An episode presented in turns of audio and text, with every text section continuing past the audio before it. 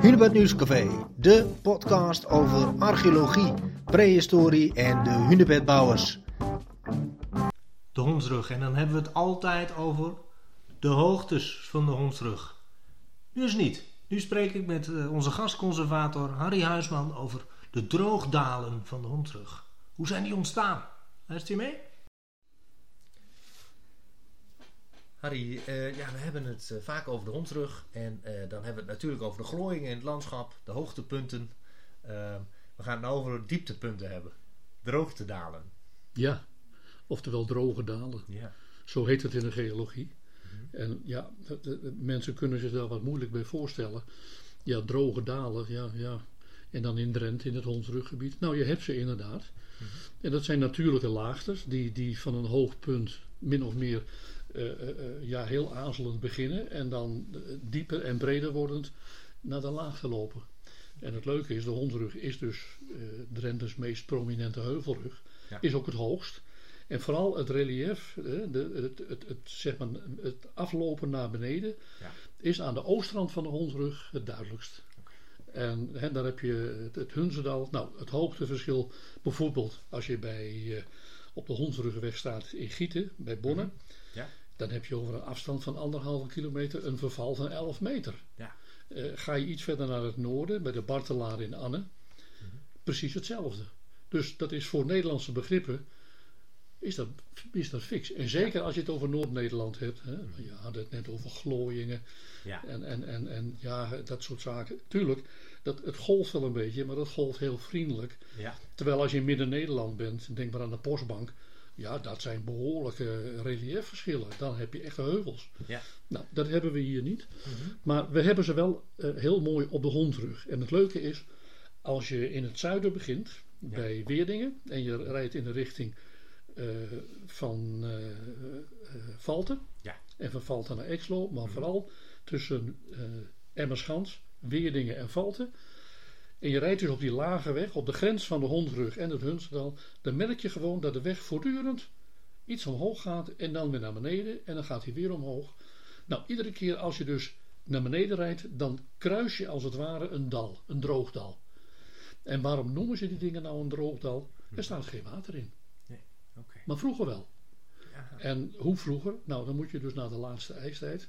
Ja. En die is behoorlijk koud geweest. We hebben geen Scandinavische gletsjers in Nederland gehad toen. Mhm. Maar het was wel bitter en bitter koud. Met het gevolg dat de bodem permanent bevroren was. Dat noemen ze permafrost. Dat heb je tegenwoordig eh, nog in Canada en Alaska en ook in Siberië op uitgebreide schaal. Maar dan is de bodem dus permanent keihard bevroren. Temperatuur van vele graden onder nul. En alleen in de warme zomermaanden ontdooit die bovenlaag van pakweg zo'n 2,5 meter. Nou, dat water wat dan vrijkomt, dat kan niet weg. Want die bevroren onderlaag, ja, dat is net een vijverbodem, dat houdt al het water tegen. En je hebt in die zomermaanden in de ijstijd natuurlijk ook sneeuwstormen gehad. Je hebt ook regenbuien gehad. Waarbij dat water weg moet. Je moet er nog bij bedenken, in die tijd was de vegetatie heel schaars. Dat stelde heel weinig voor. Dus de grond die lag min of meer open en bloot aan weer en wind. Wat krijg je dan als je relief hebt, zoals in de Hondsrug eh, naar de oostkant toe? Je hebt een bevroren bodem en je hebt dooiwater wat weg wil. Ja. Dat vloeit oppervlakkig weg.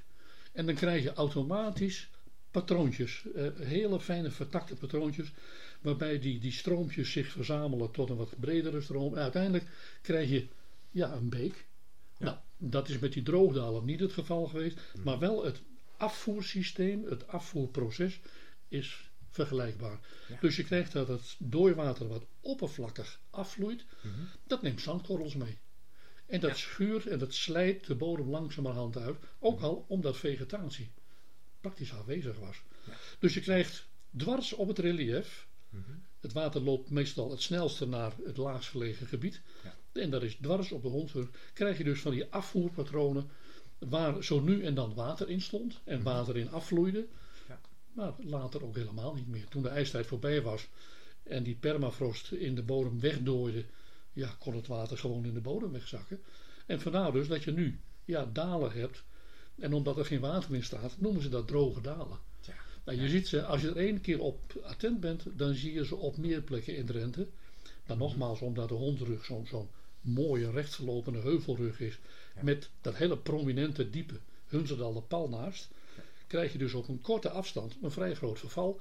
Nou, en daar snijdt erosie als het ware heel snel geulen in. En dat worden dus de dalen.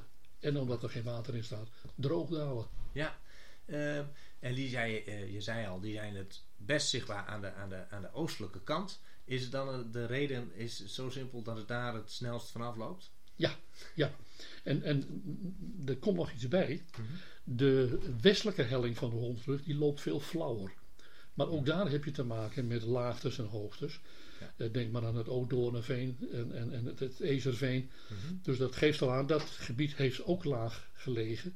En nu is het veen meestal weg. Ja. En de hondrug daarnaast is duidelijk een paar meter hoger. Dus ook daar heb je datzelfde erosieproces gehad als aan de oostkant, maar minder duidelijk. Mhm. Alleen op bepaalde plekken, en we weten niet precies hoe dat in het begin ontstaan is, hebben die droogdalen, die zowel op de oosthelling ontstonden als op de westhelling, elkaar ontmoet in het midden.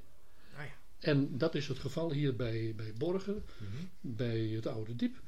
Eh, of nee, het Voorste Diep heet het geloof ik. Ja, Voorste Diep. Ja, ja. Daar hebben dus die dalen aan de uiteinden elkaar ontmoet. Mhm. En die hebben als het ware de hondrug doorsneden.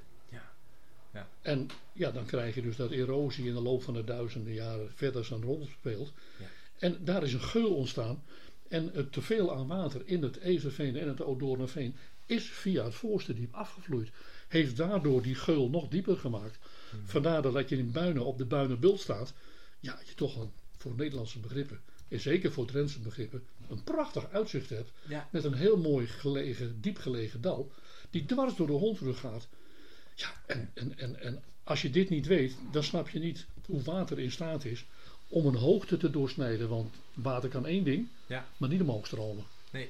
Maar zo komt dat. Harry, kun jij nog een voorbeeld geven van zo'n mooie droogdal? Droogdal? Ja, dat, dat, dat is ook in geologisch opzicht eh, in Noord-Nederland uniek. En daarvoor moet je naar Gieten en dan met name naar Bonne. En op de Hondsrugweg in Bonne eh, krijg je op een fantastisch mooie manier te zien hoe een droogdal in het landschap begint, Mhm. hoe die verloopt en waar die naartoe stroomt. En ik zei dus net, als je tussen Weerdingen, of tussen Emmerschans, Weerdingen en eh Valten loopt, Ja. of rijdt, dan, dan, dan, hè, dan heb je voortdurend te maken met die golvingen, waardoor je dan zo'n droogdal kruist. Mhm. Maar op de Hondsrugweg bij Gieten zie je in het weiland naast je het terrein heel langzaam naar beneden lopen. En het loopt als het ware breed geulvormig naar voren. Waarbij je als je dan bij het bankje staat wat ze daar neergezet hebben, dan zie je de bovenkant van de boerderijen onder aan de rand van de droogdal. Oh ja. Dat geeft een beetje een Limburgs gevoel, zeg ik wel eens Mhm. omdat het relief nou zo steil is. Ja. Maar het gekke is, die droogdalen lopen normaal gesproken van hoog naar laag. Dus dwars op de hondsrug. Mhm. En het unieke bij Gieten is, langs de hondsrugweg, het begin van het droogdal, dat loopt evenwijdig aan de hondsrugweg. En pas waar die boerderijtjes aan de flank van de dal staan, waar je het rieten dak net van boven de horizon uit ziet steken, Ja. daar maakt dat dal een haakse bocht naar het Hunzedal.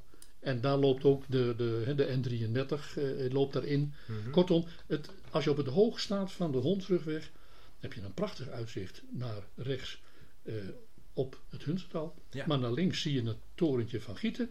Nou, Ja. dat weiland daartussen, daar begint echt een droogdal. Vanuit niks Mhm. wordt het, is het eerst klein, het wordt langzamerhand wat dieper en wat breder.